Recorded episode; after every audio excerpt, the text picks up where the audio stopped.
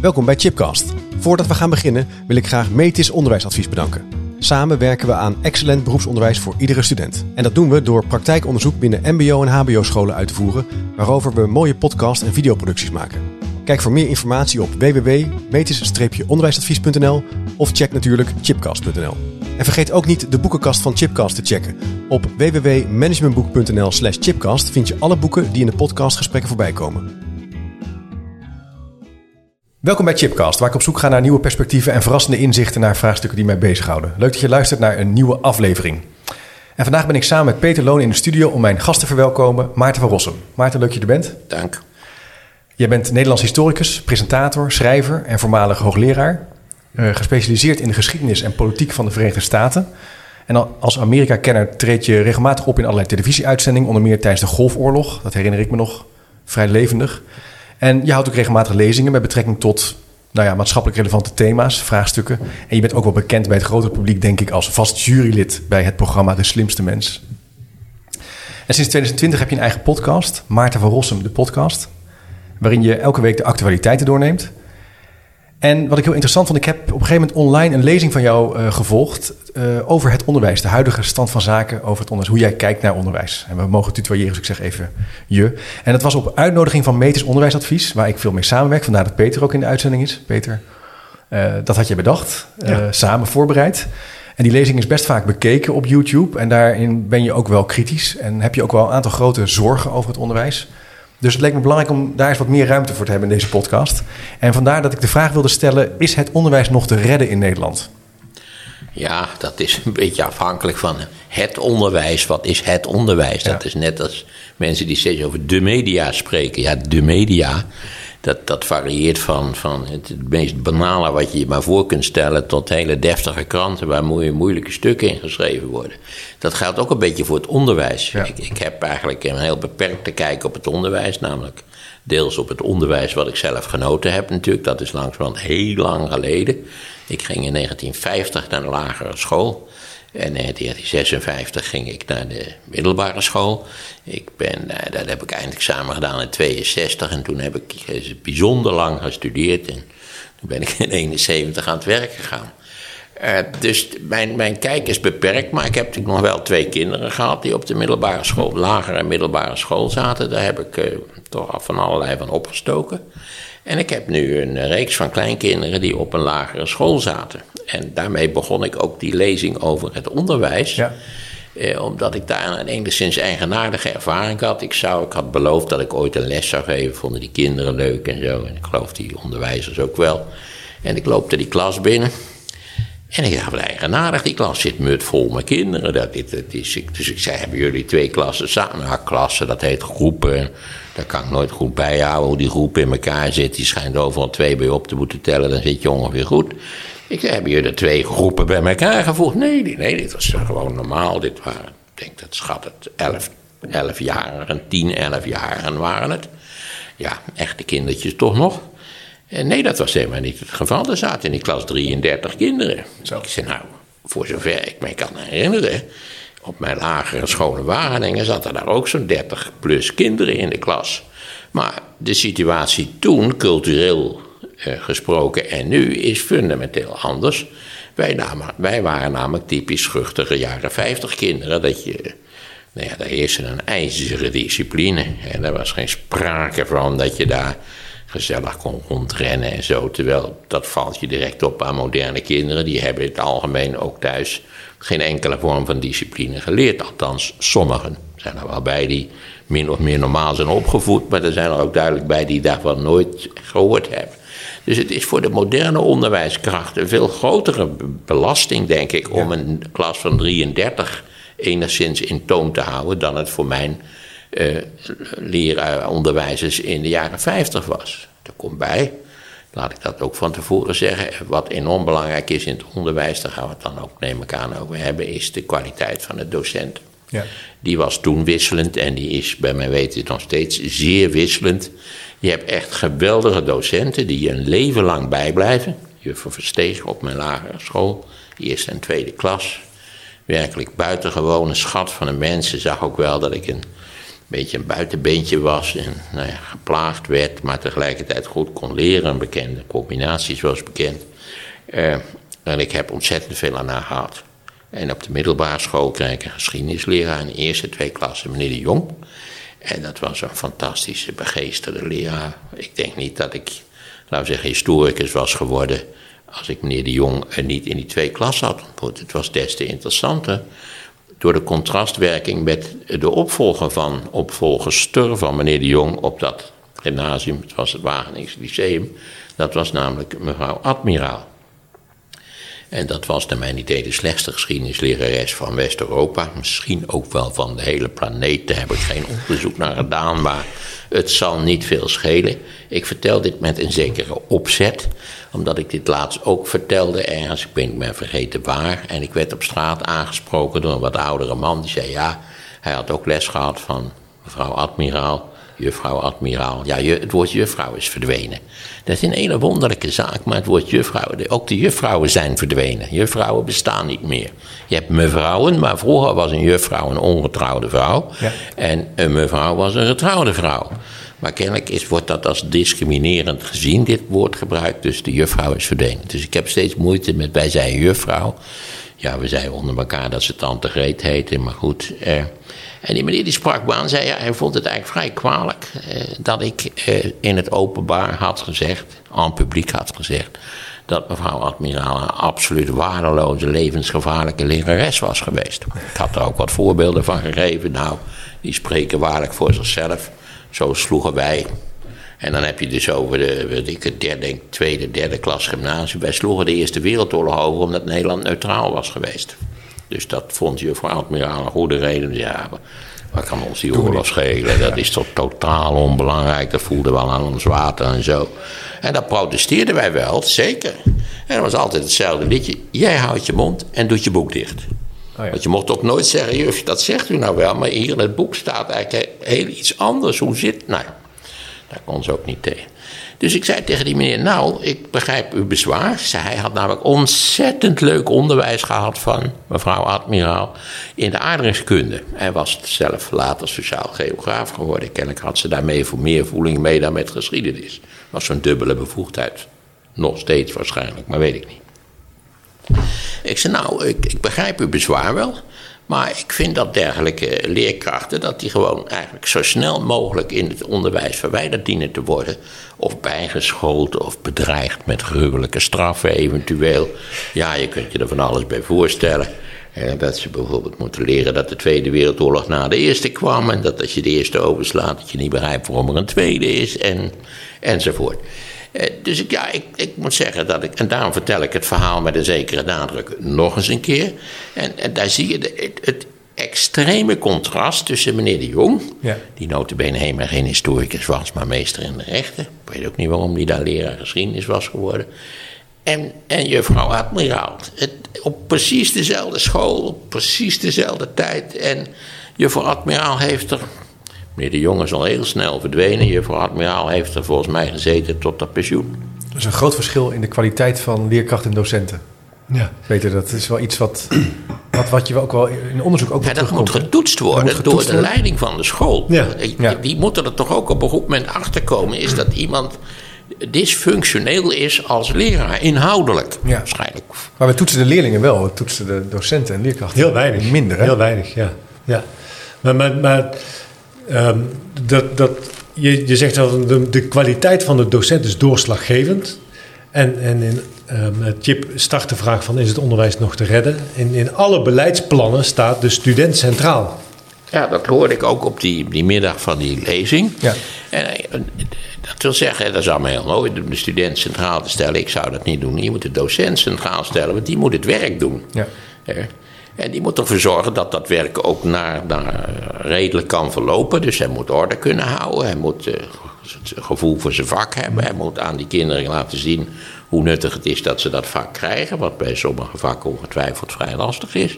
Uh, dus je moet niet die studenten centraal stellen. Dat is een, een kapitale fout eigenlijk die in het hele onderwijs permanent gemaakt wordt. En, en dat heeft ook iets te maken met het feit dat iedereen vindt dat onderwijs altijd leuk moet zijn. Altijd leuk zijn. Hè? op de, de kwetsbare kinderziel mag niet beschadigd worden. En nou ben ik tegen, ik ben tegen kadaverdiscipline, dat spreekt van zich. Maar nee, onderwijs is lang niet altijd leuk. Hè? Er zijn maar heel weinig kinderen die naar school gaan zeggen van, ik heb er weer zin in. Nee, ik Maar zou je eens, want ook als historicus ben ik wel benieuwd, hoe, waar komt die beweging vandaan dat we zo ons zijn gaan richten op het individu, op het kind? Want je zou, om een beginnetje te maken, je zou daar ook iets in kunnen zien als je kijkt naar het, naar het huidige economisch systeem. Het gaat allemaal over ik. Hè? Het is, het is, vroeger ging het misschien veel meer Nou, over ik heb, samen. Ik heb vaak gedacht, het- is allemaal heel lollig. Die kinderen die worden natuurlijk tegenwoordig vrij slapjes opgevoed. Althans, als we naar kijken naar wat normaal was eh, voor de jaren 60, om het maar zo globaal te stellen. En dan gaan ze naar die scholen waar ze dus voortdurend naar de ogen worden gekeken. Er wordt gevraagd wat ze al zo niet denken en vinden. En wat hun gevoelens zijn. En vervolgens komen ze terecht in de kille maatschappij, zoals dat heet. Nou, dat moet veel kinderen rauw op het lijf halen. Maar goed, gaan ze eerst nog die naar studeren, wat helemaal in allerlei opzichten flut is. En dan kom je in een bedrijf eh, waar meestal een, eh, behoorlijke discipline is, waarvan je gevraagd wordt dat je op tijd komt, dat je iets aflevert, dan word je getoetst, eh, je wordt tijdelijk benoemd. Ik, voor- ik denk dat voor heel veel mensen dus die, dat, dat die hele rit eh, naar, laten we zeggen, de, de jonge volwassenheid. Dus Ja. laten we zeggen dat ze afstuderen, ga je uit van het studeren op zijn 25ste. Maar heel veel komen natuurlijk veel eerder in een werkkring terecht. Dat zal ze niet meevallen na, die, na dat pampering, wat, wat wij als vanzelfsprekend zijn gaan beschouwen in, in de onderwijssfeer. Ja. En waar komt dat vandaan dat we dat zijn gaan doen? Ja, dat is die vage ideologie die natuurlijk in de jaren 60 is ontstaan, maar die in allerlei opzichten al veel ouder was. En die ook natuurlijk doortikt in, in al die eh, alternatieve onderwijssystemen, Montessori-onderwijs en je hebt Rudolf Steiner-onderwijs en nou ja, je hebt van allemaal, die gaan allemaal uit van, van de kinderziel. Ja. Terwijl ja, dat is allemaal hartstikke leuk, de kinderziel. Eh, maar ik zou zeggen, zonder een zekere mate van discipline eh, is dat onderwijs niet behoorlijk te geven. Als je de hele dag staat te denken aan, aan de kinderziel, dan, dan zal dat niet zo geweldig succesvol zijn. Nee. En, en misschien moet je ook die kinderen gewoon directer benaderen.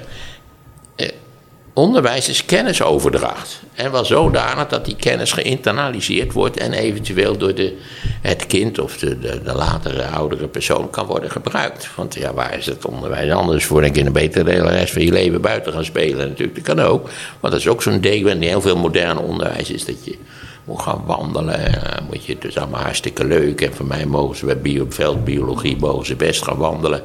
En kijken hoe de plantjes eh, erbij staan en of ze die kunnen determineren. Ja, dat moesten wij van mijn vader leren. Ja. Je mocht niet, zeggen, je mocht niet ja. zeggen, het is een madeliefje. Nee, je begint hè, met of ze hoe de bladeren aan de steel staan en of ze Ja. grof nervig zijn. Ja, het is verschrikkelijk. Hè. Nou goed, na een drie kwartier zoeken blijkt het madeliefje te zijn. Maar ja, Maar jij zegt dus eigenlijk in de essentie eh, gaat onderwijs om kennisoverdracht. Ja, daar gaat het over. Ja. Want, eh, waar zou het Waar zou het anders over? Waar zou het anders? Je zit er toch niet voor je lol om Nou te ja, zingen? socialisatie eh, wordt dan gezegd. Hè? Eh, jezelf Ik ken ja, dit zeker. Ja, daar had ik wel niet aan gedacht natuurlijk. Die socialisatie, dat is niet de taak van de school. Dat doen die kinderen namelijk zonder enig probleem buiten de school. Op het speelplein. eh, Dat heet tegenwoordig waarschijnlijk ook anders. eh, Schoolplein. Ja, schoolpleinen. Dat ze gaan na die school gaan ze met elkaar fietsen. Sportclubben. Eh, Ik, ik had, ik had hier, op weg hier naartoe had ik weer dan drie van die meisjes die over de volle breedte van de straat fietsen. Ja. hè. Dat je denkt, zal ik toeteren? Kun je doen? Maar het is eh bij die hoedsnik. Krijg je vinger naar je ja, Ja. precies. Nou, daar zou ik zeggen. Wij hadden verkeersles. Is dat niet, in- bestaat dat, Dat nog? is er nog wel. Ja, Op de dat basisschool is staat dat er nog wel. Middelbare school niet meer. Ah, ik kan niet laten om te vertellen dat ik nog een prijs heb gewonnen bij de verkeersles. Je eerste. Ik ook. Nul fouten. Ik ook, nul fout. Oh, ik vrees dat ik dan. eh, maar goed. Maar jij zegt eigenlijk zoiets wezenlijks van dat die socialisatie volgt wel. Die kinderen gaan vanzelf wel. van- Jongeren dat is net gaan die- vanzelf wel met Dat is elkaar. net als die kletskoek over computerles. Die kinderen zijn allemaal eh, lang voordat het woord computerles eh, gevallen is, zijn ze vaardig op computers, nou meer dan ik ben. Hè. Ze zitten de hele dag te piemelen op zo'n iPad of, Ja. op, of op, op zo'n laptop. Maar toch is er in het onderwijs grote nadruk, eh, ook bij de vernieuwingsinitiatieven die er zijn, eh, daar kunnen we het zo nog wel over hebben, op eh, generieke vaardigheden, op eh, leren samenwerken, op creativiteit. Peter, dat zijn toch de dingen waar ook in, Ja, ook in het mbo- en hbo-onderwijs... communicatieve vaardigheden. Communicatieve vaardigheden. Ja. Ja, wat is dat? dat, dat je een, ze moeten allemaal een praatje voor de klas houden. Dat zul je ook al heel snel zien. Sommige mensen kunnen dat van zichzelf. En anderen hebben er moeite mee en slapen drie weken niet omdat ze zenuwachtig zijn. Maar ook, ook die communicatieve vaardigheden, dat gaat vanzelf wel. Ja. Ben, daar ben ik van overtuigd. Eh, eh, alle, wat, waarom was het niet zo dat lager onderwijs 27 leerdoelen had, die officieel gedefinieerd zijn? Ja. Iets in die geest Ja. in ieder geval. Dat is natuurlijk stapelkrankzinnig. Zorg dat de basisvaardigheden, begin daarmee, daar gaat het om. Ja. Lezen, schrijven en rekenen. Ja. Maar, maar zou het dan ook zo zijn... beetje informatie over geschiedenis en Over topografie. Ja, maar die dingen die je automatisch leert omdat je ouder wordt en je ontwikkelt en in de maatschappij begeeft, daar hoeft de school minder aandacht aan te besteden. Ja, natuurlijk. En de dingen die je zeker niet automatisch leert, rekenen, taal, eh, Ja, algemene ja, als je zaakvakken. het belangrijk vindt dat, dat je moet weten in wat, in wat voor zee eh, de Wolga uitstroomt, dan, dan zul je dat moeten leren op school. Het is niet zo dat je moeder ineens ochtends zegt van, joh, weet je dat, dat, eh, die Wolga die stroomt uit in de, nou de meeste mensen weten het niet, ik vraag het altijd bij lezingen, dan valt er een diepe stilte, het is de Kaspische Zee. Oh, ik dacht Zwarte, is het niet hetzelfde Zwarte Zee? Nee. Nou, ik Zwarte fout. Zee, dat is de Don. Sorry. Ja. Zo Dus ik je heb het laatst gehoord in de podcast, Maarten de podcast, daar kwam het ook in terug. Ja. Ik dacht, ik wist het ook Ik niet. stel het altijd als simpele Verschrikkelijk. vraag. De topografische kennis is echt verschrikkelijk. ik Maar, weet niet wat maar die over die topografische leren. kennis. eh, Ik heb vroeger al die, al die kaarten uit mijn kop moeten leren. Ik vond het echt verschrikkelijk. Maar ik ben het allemaal weer vergeten. Dus waarom... Je De zou- halve je- waarde-tijd van kennis is ook niet zo heel lang. Nee, precies. Je hebt ook mensen die zeggen... ja, je vergeet het toch weer. Waarom zou je het dan moeten leren? Nou, daar zit veel in. Dat is, ja, dan ging, mijn zoon ging Frans overhoren en dan moest je le la hebben. Dus is het le château of la château. Ja, precies. Ik ben het al lang weer vergeten Ja. in ieder geval. En dan zei hij altijd hetzelfde. We hebben enigszins geïrriteerd. Toen ik ben helemaal niet van plan om later Frans te gaan spreken. Dus ik, zou, zie totaal niet in waarom ik dit zou moeten leren. Dus dan moet je zo'n hele ingewikkelde omweg maken. Dat het nuttig is dat je nou ja, een soort indicatie geeft. En dat je misschien wel met vakantie gaat naar Frankrijk. Maar dat het, het leren leren van dingen, dat, dat daar vaak op gaat, om gaat op school. Ja. Niemand zal beweren dat hij, als hij er zich verder niet mee bezig heeft gehouden, dat hij op zijn 41 nog weet wat hij heeft geleerd bij de tuurkunde. hè. Maar je zegt eigenlijk het feit dat je, het, dat je leert hoe je het moet onthouden. Dat je leert hoe je het moet ja, dat is ook de enige reden dat, we nog steeds Latijn en Grieks hebben. Daar Ja. kun je langdurig over discussiëren. En ik, heb, ik zat op het gymnasium en ik heb, toen had ik begrepen natuurlijk dat wij er een jaar langer over deden dan, de- dan de HBS in die tijd. Dat is allemaal op, het verschil bestaat niet meer. Dus ik dacht, ik zou er wel een jaar eerder vanaf willen zijn in die klote school. Want ik had, ik had niks met school. Ik heb nooit iets met school gehad, laat ik dan eerlijk, dan moet ik er eerlijk bij zeggen. Afgezien van de leuke, een paar leuke leraren had ik niks met school. En toen zei ik tegen mijn ouders, nou, wat dachten jullie ervan dat ik, overstap naar de HBS? Want dan ben ik een jaar eerder klaar met dat gekloot. Hè? Ja, zo belangrijk vond ik dat Latijn en Grieks eigenlijk ook niet. Daar waren ze tegen en ik geloof dat dat achteraf wel verstandig is geweest. Het is, weet ik nog iets van, kan ik Homerus lezen? Absoluut, totaal niet. En, en als je ik woorden... denk dat ik zelfs Caesars uh, De Bello Gallico Ja. ook niet meer kan lezen. Eh, dat was het een beetje de basis waarop je startte. Maar je leert wel leren. Nou moet ik erbij zeggen dat het ook zo klaar als een klontje is dat, dat kinderen hele verschillende soorten van verstand hebben. En dat als je een zogenaamd leerverstand hebt, eh, dat, je, dat, dat dan de school je natuurlijk veel makkelijker afgaat dan mensen die zich verzetten tegen de school. Ja. Mijn zoon verzette zich tegen de school en dan kost het je veel meer moeite om dan aan het eind van de week te weten of het Le of La Château is. Ja. Mijn dochter, eh, die verzette zich niet. Die kon gewoon, net als ik trouwens, niet waar, met een vingerknip kon ze de hele boel uit de kop leren. En over twee weken was ze het volkomen vergeten. Ja. Eh, als je je verzet tegen het, leer, het leerproces, dat, dat, er zijn natuurlijk heel veel mensen die daardoor stranden in, die, in, in, in het leren, zal Maar je je snijdt hier wel gevoelig eh, een belangrijk punt aan. Want daar gaat het natuurlijk ook over de discussie over de motivatie. Hè? Dus het, het schoolsysteem eh, zorgt ervoor dat kinderen niet meer gemotiveerd zijn om te leren. Dat ze negatieve leerervaringen krijgen. Je hebt ook mensen die daar ook onderzoek naar doen. Die zeggen, ja, die moeten dus het onderwijs hervormen. Want het is vervormd. Hè? Jan Brands, de hoogleraar filosofie, zegt dat onder andere. Dus het moet meer aansluiten bij wat kinderen interessant vinden. Want dan gaan ze niet zich, zich niet verzetten.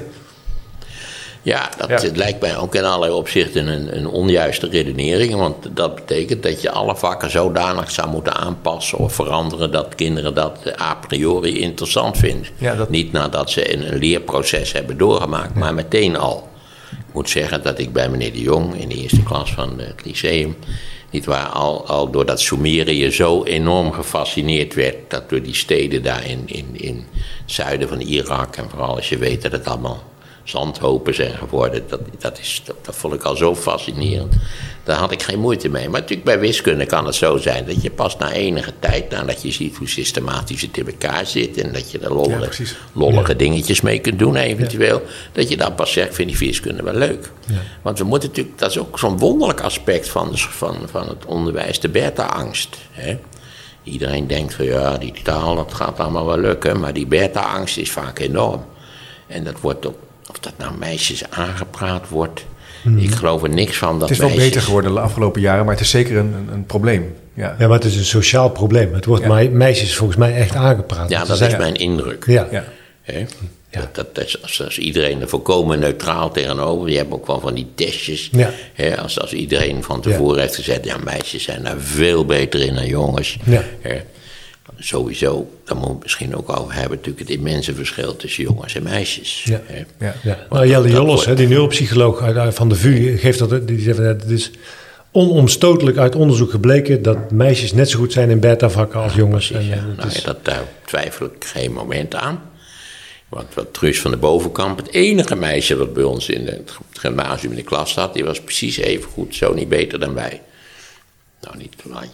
Ook bij wiskunde heb je ook wel mensen die kijken ernaar en dan begrijpen ze. Ja. Ja. Dat- Omdat, dat, omdat Ja, ze van tevoren op een of andere manier zitten hun hersens zo in elkaar.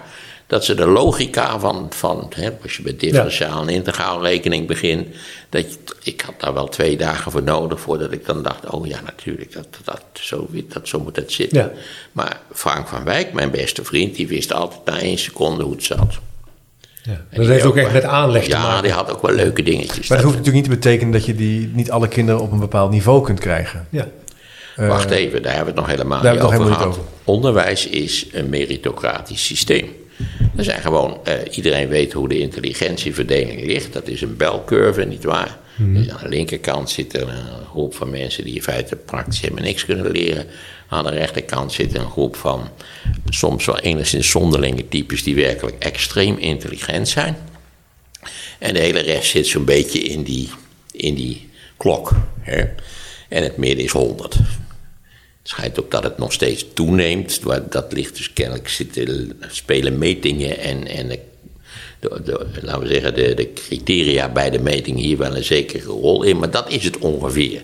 En dus je, je moet er rekening mee houden dat lang niet iedereen eh, bijvoorbeeld eh, eh, ja, geschikt is voor alle vormen van onderwijs. Dat was natuurlijk de filosofie van de jaren zeventig. Dat we waren allemaal even intelligent. Maar sommige mensen die we hadden, waren opgegroeid in een hoogst ongelukkig milieu. En die waren niet gestimuleerd enzovoort. En, maar dat kon je bijspijkeren. Dat, was, dat was eigenlijk niet een.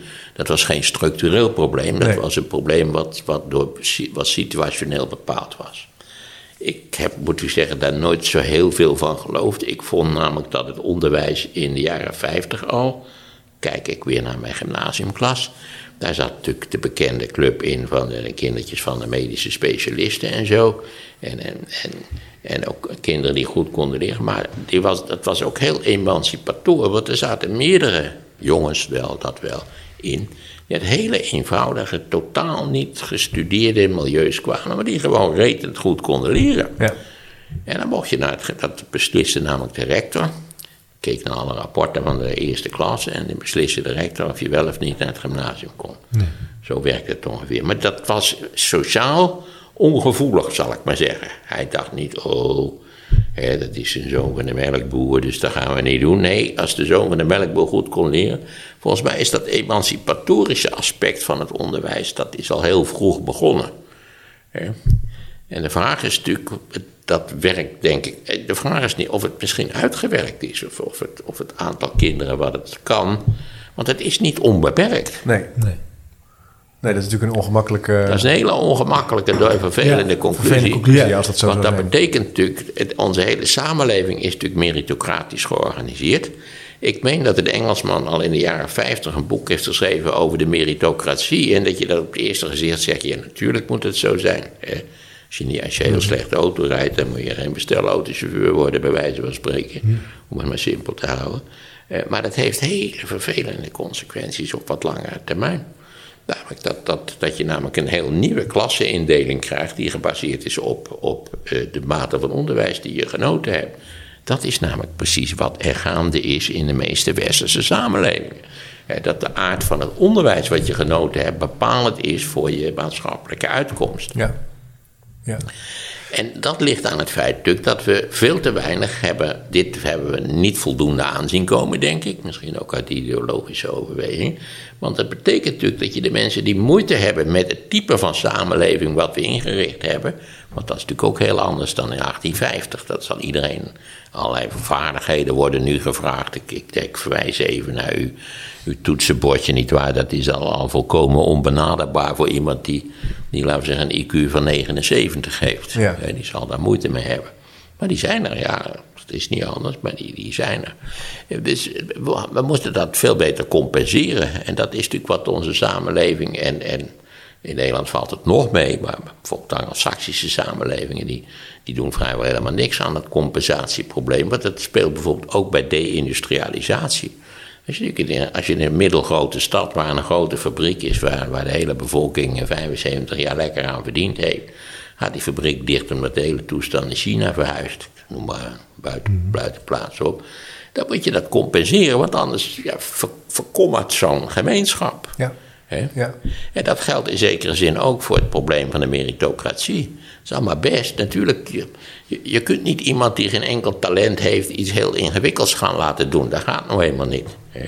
Maar dan moet je dus die mensen die die talenten niet hebben, niet afstraffen, sociaal-economisch afstraffen. Ja, met A, waardeloze baantjes die bovendien nog waardeloos betaald worden. Dus je zult wel toch moeten varen, moeten koersen op een betrekkelijk egalitair sociaal-economisch beleid. Ja.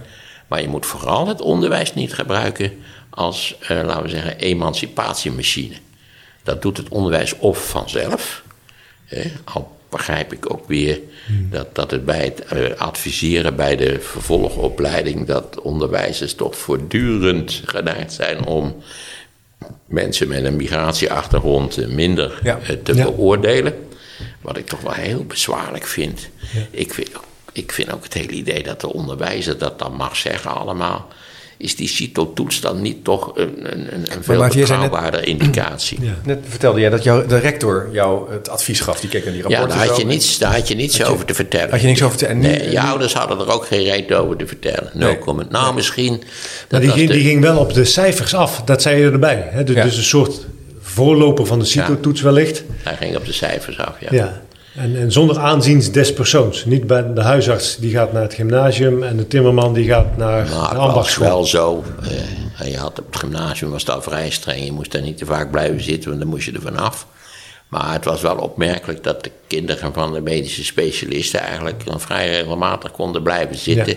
Ik weet, ik geloof dat ik al halverwege de studie was toen een leeftijdsgenoot van mij, ik zal niet zeggen wie, in Wageningen van het gym afkwam. Maar ze kwam er wel af. Ja, ze, ze kwam er wel af, ja. ja.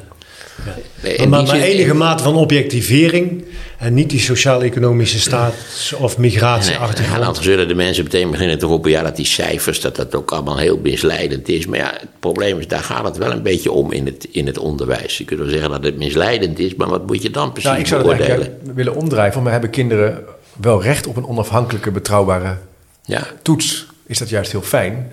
En we doen er nu een beetje zo heel uh, zenuwachtig over. Dat, uh, het gaat steeds vaker ook, nou over stress. Dit beleid, dat dit beleid hebben we in Nederland vrij recent veranderd. Ja. Namelijk, het ging om de CITO-toets. Ja. En uh, vervolgens, is, die was primair, die was leidend. En toen hebben ze dat omgedraaid en is het advies van de onderwijzer is leidend geworden. Ik wijs hier op, je moet die dingen ook allemaal persoonlijk beleefd hebben. Mijn dochter zat op een hele traditionele lagere school in Utrecht om de hoek. Een schoolvereniging. En mijn dochter had een werkelijk fantastische CITO-toets gemaakt. En die onderwijzeres zei, ja, gymnasium, dat wilt u nou wel. Maar zij is totaal niet geschikt voor het gymnasium. Ze altijd te kletsen met de buurvrouw en zo. Inhoudelijk is ze helemaal geen reet. Nou ja, zij gebruikte deze woorden niet, maar ze zei, nou ja. Eh, dus wij dachten eigenlijk, ja, Amola, die CITO-toets, die wijst toch in een hele andere richting. Dus ze moet maar naar het gymnasium. Wat ze ook gedaan heeft en zonder al te grote problemen heeft ze dat ook voltooid. Hmm.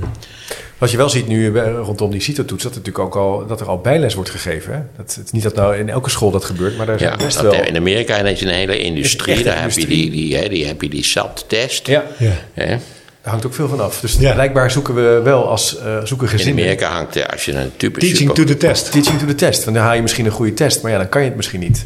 Het is Maar ook ja, wel wat voor te zeggen. het- Dat nou een- ja, Ja. en dan moeten we wel even eerlijk zijn. Dat ik, ik herinner mij dat vanaf de vijfde klas van het gym begon dat gezeik over dat eindexamen. Zo erg was het dat wij als leerlingen wel eens dachten, meneer, stop daar nou mee. Ja. Ja, daar komt een eindexamen, dat is over anderhalf jaar. Daar hoeven we niet alsmaar over te praten, toch? Nee. dat vonden wij eigenlijk vrij irritant dat Ja. we praten over dat eindexamen. Ja, ja, ja. een, van, een van mijn lievelingsboekjes is Vijven en Zessen van Adriaan de Groot, eh, mi- midden jaren 60 geschreven. En dat is de grondlegger van het CITO uiteindelijk. En die, die nuanceert al dat becijferen en, en, en hoe betrouwbaar zijn dan precies die cijfers, eh, wiskundige. Maar, maar je moet er wel ergens van uit kunnen gaan om ook vergelijkend onderzoek te kunnen doen. Ja, maar met cijfers is het een heel lastig probleem. Je, hebt, je, je, krijgt eh, 200 tentamens aangeleverd. Eh, je begint eh, na te kijken en de eerste tien zijn zo beroerd dat je denkt, heb ik het wel goed uitgelicht? Zou ik dit het onderwerp gewoon niet vergeten zijn toen ik college gaf? Dat zou kunnen, ja. Dat voor drie, dus je begint dan zorg. Je hebt ze wel apart een beetje gelegd van het geval. En dan komt nummer 11. Waar alle vragen perfect beantwoord zijn in leesbaar handschrift. Dus je denkt, ah, het zijn gewoon lui die er geen reet aan gedaan hebben. Dus ik kan best kan ik er een 0 of een 2 bij zetten. Hè? En, en je, je, dus je, wordt, je wordt beïnvloed door, door Ja. wat je aangeleverd krijgt. Ja. En wat je, je criteria zijn, zijn flexibel, zal ik Ja. maar zeggen. Ja. Ja, ja. ja. En is de zes van, van hoogleraar Van Rossum, is dat dezelfde zes als bij collega De Jong, die hetzelfde vak geeft aan een andere groep studenten. hè? Dat, die vergelijkbaarheid, dat wordt dan ook een De verschillen ingewikkelde. waren groot. Ook Ja. de verschillen bijvoorbeeld bij het maken van een schriftelijk werkje, scriptietje. Daar waren ook, eh, ik, ik zei altijd van, het gaat erom dat je een goed geschreven, leuk stuk schrijft over dat probleem wat, wat, wat, wat is opgegeven. En dan zei ze, ja, maar die en die zegt altijd, het moet, het moet eh, beginnen met een probleemstelling. En, en dan moet het punt voor punt worden afgewerkt. 1, 1, 1, 2, je kent die dingen wel, 1, 3, enzovoort. En dan tenslotte moet je weer een conclusie trekken.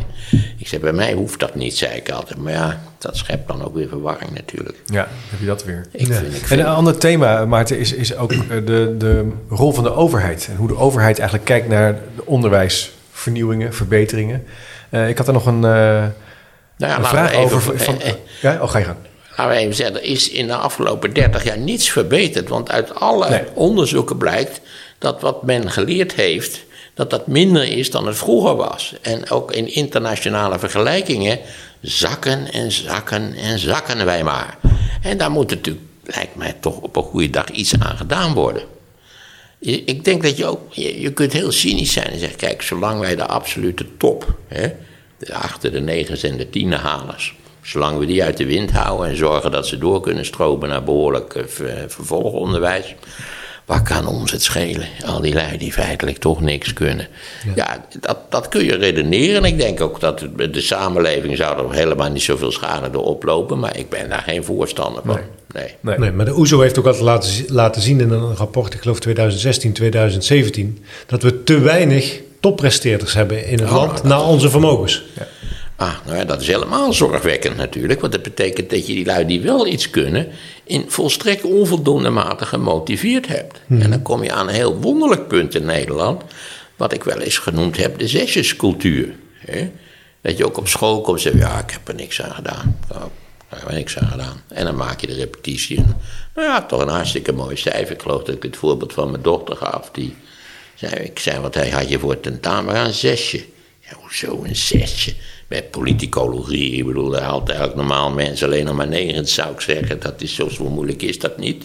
Ja, je ziet mijn neerbuigende houding ten opzichte van dit type van vakken. Maar goed, nou, zij is trots. Ik had maar de helft van de boeken gelezen. Ja, ik, Ja, dan ben je ook wel klaar, ja. ja dan is het wel klaar. Ja. Ja. En dat is altijd hetzelfde. Dat je, je komt mensen tegen 20 jaar. Maar is dat iets cultureels in 20 Nederland? jaar. Ja, dat is volgens mij iets cultureels. In, in, in Nederland je een hele pief als je het niet goed. Als je er niks aan gedaan hebt. Dat is stoer. Ja, dat is stoer. Ik heb toevallig eh eergisteren met een groepje studenten een podcast opgenomen. We hebben het ook gehad over die zesjescultuur. En daar noemden twee studenten, die zeiden ja, het is ook wel een beetje eh, de- norm dat je en werkt en in het studentenleven dingen doet en eh, je studie. En dan is dat excelleren is niet zo heel erg oké. Dus het is ook prima inderdaad om die 5,5 te halen. Ze hadden zelfs een spreekwoord voor. Een 5,5 is een 8 of zo. Hè? zo van, dus eigenlijk als je 5,5 weet te halen, is dat eigenlijk heel slim. Ja. Ja, Want dan kan je zoveel mogelijk doen. Hè? Je dus ze zijn wel bezig met ontwikkelen, met vrienden maken, met eh, bestuursjaren, eh, roeien, weet ik veel wat. Ja, Maar- je ziet communicatief komen ze wel uit de verf. Ja, Ja. dat hoeven we ze niet Maar te leren. Inhoudelijk? inhoudelijk? maken ze er dus geen reet van. Nee. En altijd als je ze 20 of 30 jaar later ontmoet, dan is een van de klassieke verhalen die ze altijd zeggen: Oh, ik heb zo'n spijt dat ik zo weinig van mijn studie heb gemaakt. En, Ja. eh, en achteraf be- beschrijf ik pas wel de mogelijkheden er waren. En, en het was een Had ik maar dit, had ik maar dat. Had ik maar dit en had ik maar dat. Ze hebben altijd spijt van dat ze er maar een beetje doorheen gerommeld zijn. Ja. Ik zwijg er even over. Altijd, in elk eerste jaar, het is altijd hetzelfde. Je krijgt al die scriptietjes. Het is allemaal gruwelijk doorkreupeld proza van de ergst denkbare soort. En dan ineens, nietwaar, een schitterend, elegant geschreven essay over het probleem wat, wat eh, aangekaart moest worden. Dat je denkt, kijk, ik heb vaak genoeg gedacht, zo goed was ik niet toen ik 18 was. Dat Nee, weet precies. ik wel zeker.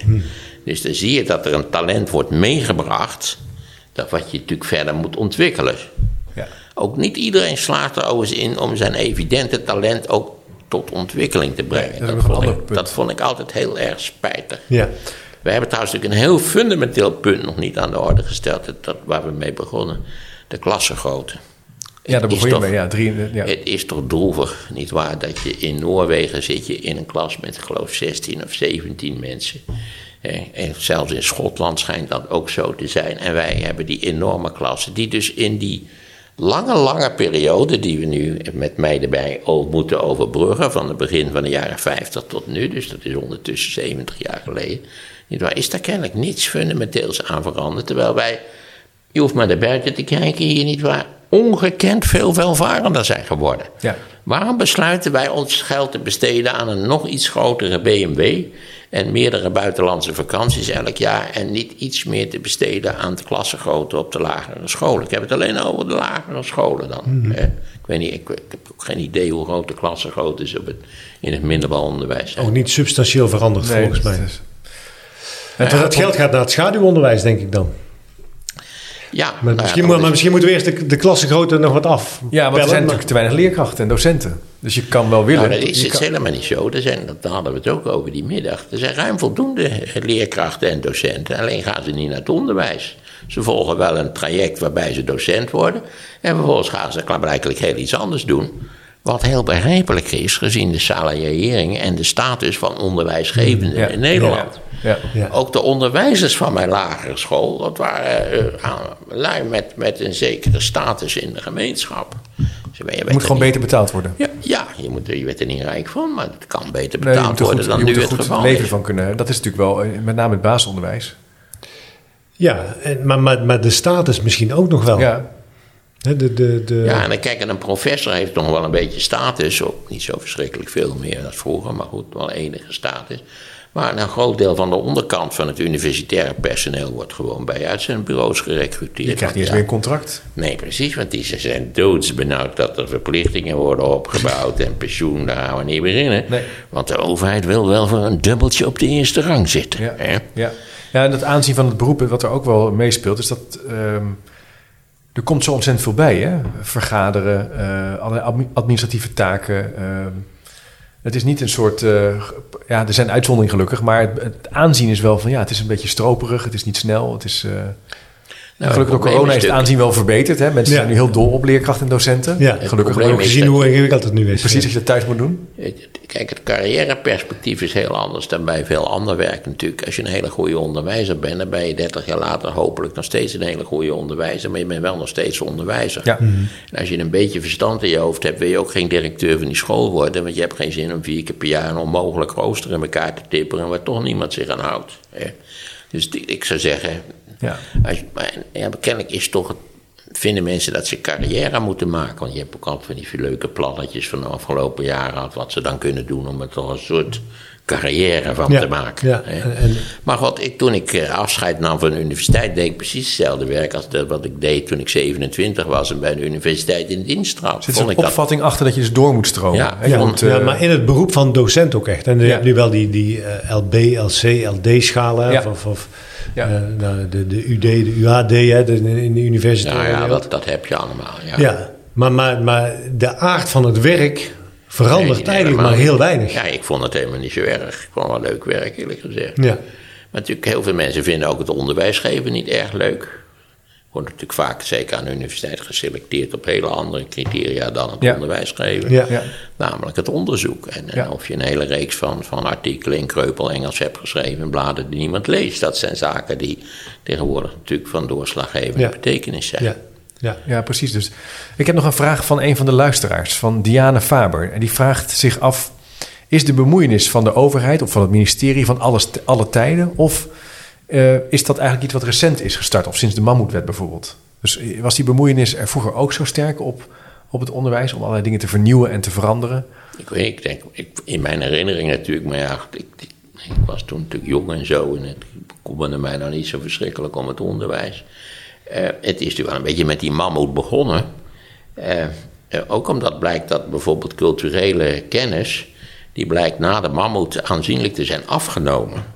Dus kennelijk hebben we bij de mammoet al iets verkeerd gedaan. Ik zou niet weten precies wat, want ik, dat zal wel onderzoek zijn hoe dat zit. Maar culturele competentie, zoals dat heet, die is afgenomen na de mammoet. Het idee van de mammoet was, voor zover ik het me kan herinneren, dat je gemakkelijk van het ene schooltype zou kunnen overstappen naar het andere schooltype. En vervolgens eh, gebeurde dat natuurlijk op grote schaal. En dat is met alles wat de overheid initieert. Eh, het is, heeft dus een heel leuk idee en iedereen is ervoor.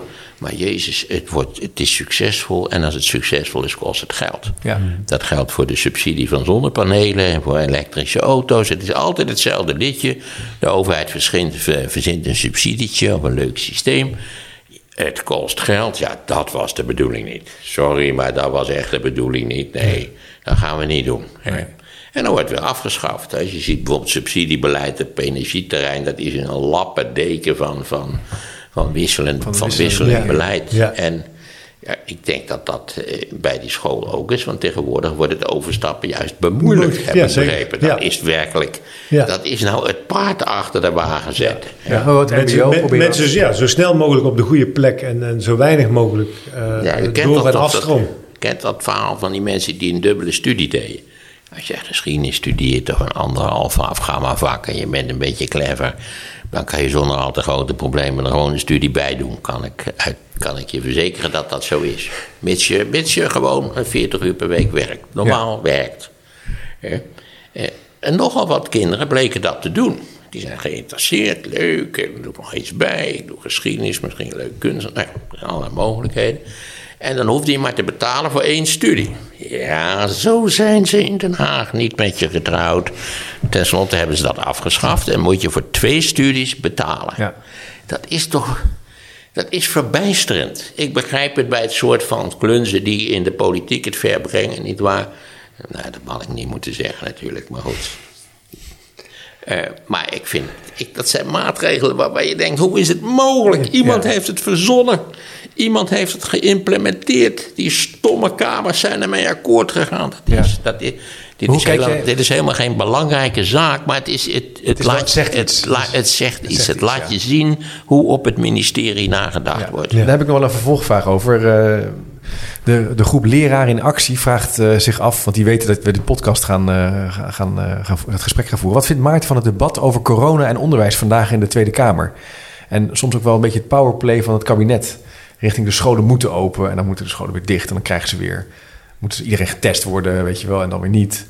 Hoe, hoe, hoe zie jij dat Nou, zo? dat- daar- daar heb ik hele complexe gedachten over. Ja, En dat komt eigenlijk omdat ik een hele reeks van voorbeelden langzamerhand verzameld heb van kinderen die heel anders dan wat je in de krant leest, eh, de huidige situatie praktisch ideaal vinden.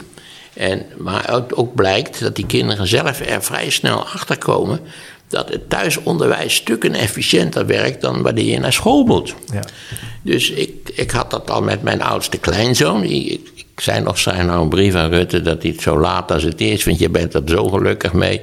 Ja, s ochtends krijgt hij zijn huiswerk opgegeven op het laptopje. Dat maakt hij, ik geloof, in 2,5 uur of zo. En de hele rest van de dag heeft hij vrij. Hoeft niet in al die klassen te zitten. Hoeft niet rond te strompelen met die tas op die, in die scholen. Van, nee, hoe dat gaat. En nu had ik toevallig iemand aan de lijn vanmiddag over iets. En die zei, ja, zijn dochter die had e- exact dezelfde ervaring. Ja. Namelijk dat ze bijzonder tevreden was met de huidige situatie. En ook tegen hem gezegd had, nou, dit gaat heel wat efficiënter dan de school.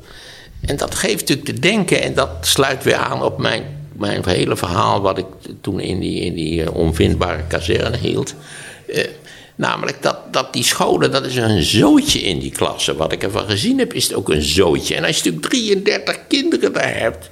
En dan hebben we ook nog die, die, die halfgare passend onderwijswet gehad... waarbij je bij 33 kinderen ook nog drie op je dak gestuurd krijgt...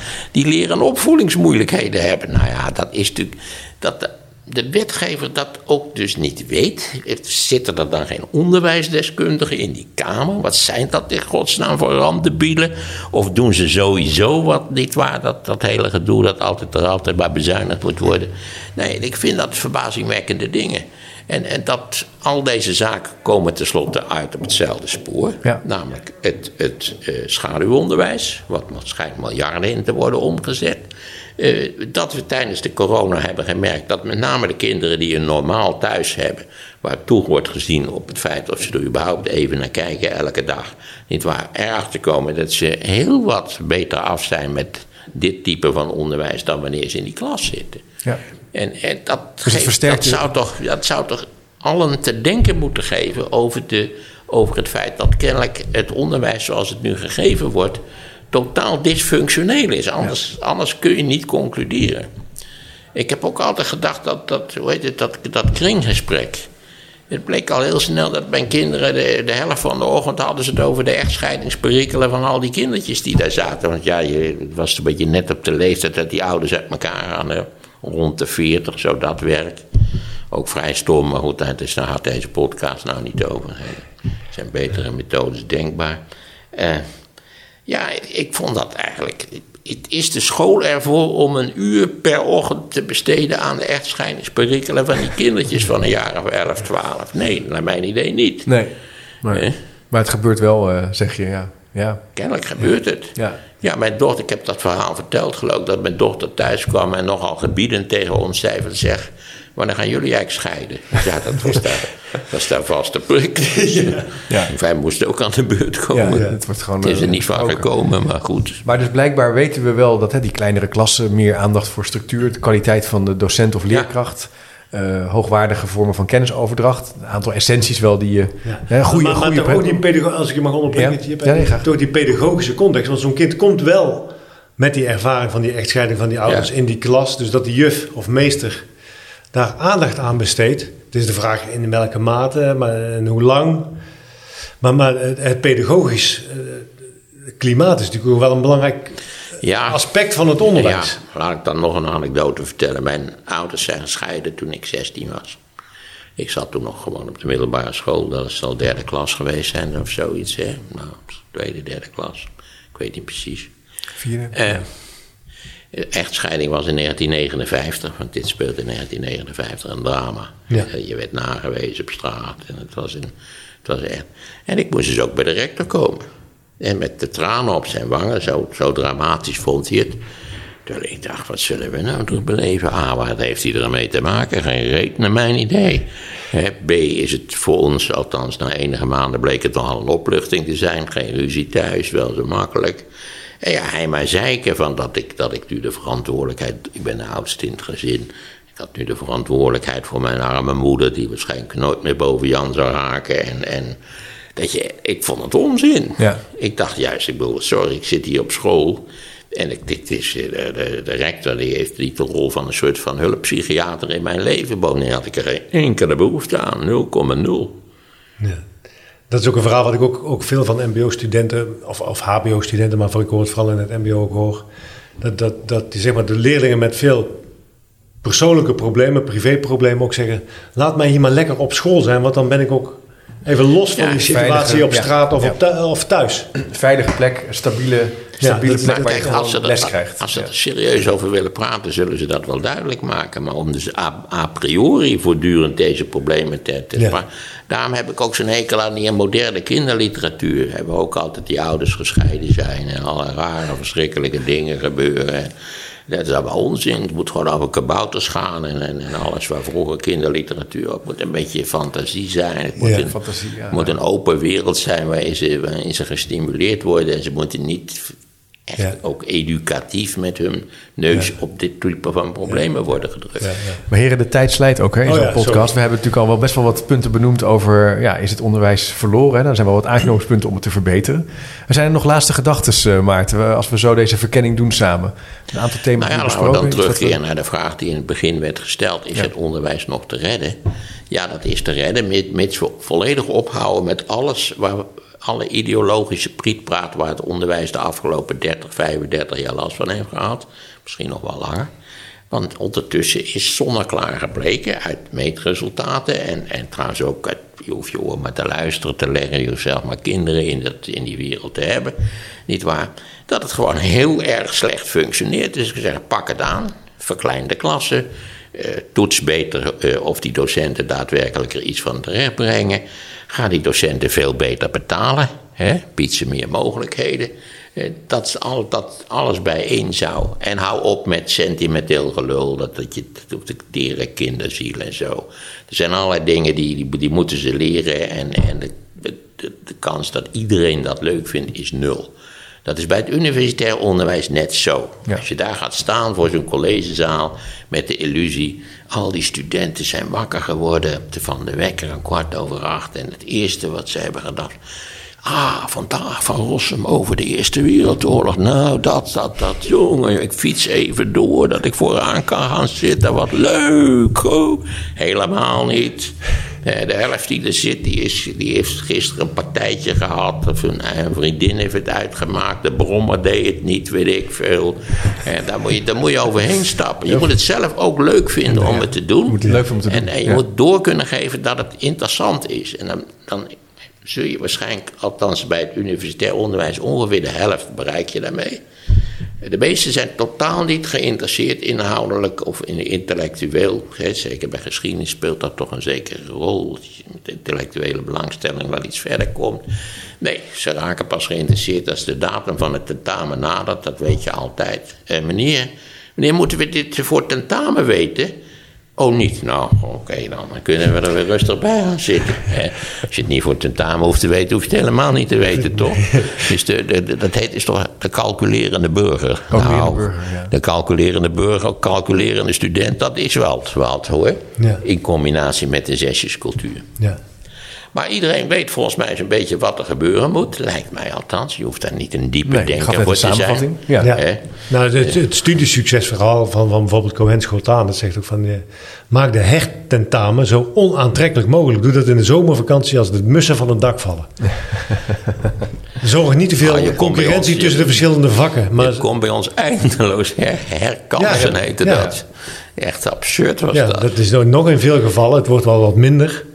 Maar, maar maak het onaantrekkelijk om te herkansen, zodat Ja, die studenten maar dat vak in één keer halen. Je weet hoe, eh, hoe het eh, hoger onderwijs gefinancierd wordt Ja. op uitstroom. Hè. Dus je kijkt wel link uit. Ja, maar dan misschien moeten we daar ook iets aan doen dan als we... Ja, ik, de ik, ik hoor het al. We hebben volgens mij nog wel wat thema's te pakken voor vervolggesprekken en vervolgonderzoeken. Hè? Want wij zijn natuurlijk ook een beetje op zoek naar de bouwstenen voor excellent onderwijs, Peter en ik. We bezoeken veel scholen om daarover te praten met Er schijnt best excellent onderwijs te worden gegeven. Ah, heel, heel veel plekken wordt er goed onderwijs scholen die geweldig helemaal scoren. Ja. Ja. Dus wat dat betreft gaan we door. Eh, Maarten, dankjewel. Leuk dat je hier in de uitzending wilde komen. Interessant om Nou, jouw ik vind het een hele zorgelijke zaak, eerlijk gezegd. Ja, we lachen er een beetje om, maar zijn, het is een serieus gesprek. Ja. Ja, dat is mijn, uh, mijn makke is dat ik eigenlijk altijd de indruk maak dat ik niet helemaal serieus ben natuurlijk. Nee, maar je bent uh, volgens mij heel serieus weten uit te leggen. Zelfs mijn zuster tuinde erin. ja, dat hebben jullie natuurlijk niet gezien. Maar we waren met mijn zuster en broer vanwege dat die serie... waren ja. we in, in Kampen en daar maakten we een tochtje op de koggen. En nou is het zo dat die kampen ooit rijk geworden van de koggen die op de AOC voeren. En in die tijd had Kampen wel 100 koggers. En was het een van de rijkste en meest succesvolle steden in Nederland. Lang voordat Amsterdam en zo opkwamen. Dus ik zei in de loop van dat verhaaltje wat ik daarover hield, over die koggers, zei ik van ja, de beste oplossing zou zijn als Kampen weer 100 koggen liet bouwen. Zo moeilijk kan het niet zijn, dan kan dat weer hervat worden. Waarop mijn zuster zei van, denk je echt dat dat gaat werken? Maar dat had ik natuurlijk helemaal niet serieus bedoeld. Zelfs mijn zuster, die ik dus al langer ken, zij kent mij daar mijn hele leven al. En toch tuinde ze erin. Tuinde ze erin. Mooi. Bedankt Maarten voor het uh, gesprek. Koggers, ja. ja. Heel leuk bootje trouwens. Ik zal nog even de link naar die, naar die uitzending even op de website plaatsen. Uh, als je meer informatie wil hebben over deze podcast of linkjes die we in het gesprek naar voren kwamen, kijk even op www.chipcast.nl. En als je nou de nieuwsbrief wil ontvangen, gratis even niks, ga dan naar www.chipcast.nl slash doe mee. Ik zou zeggen, tot de volgende keer.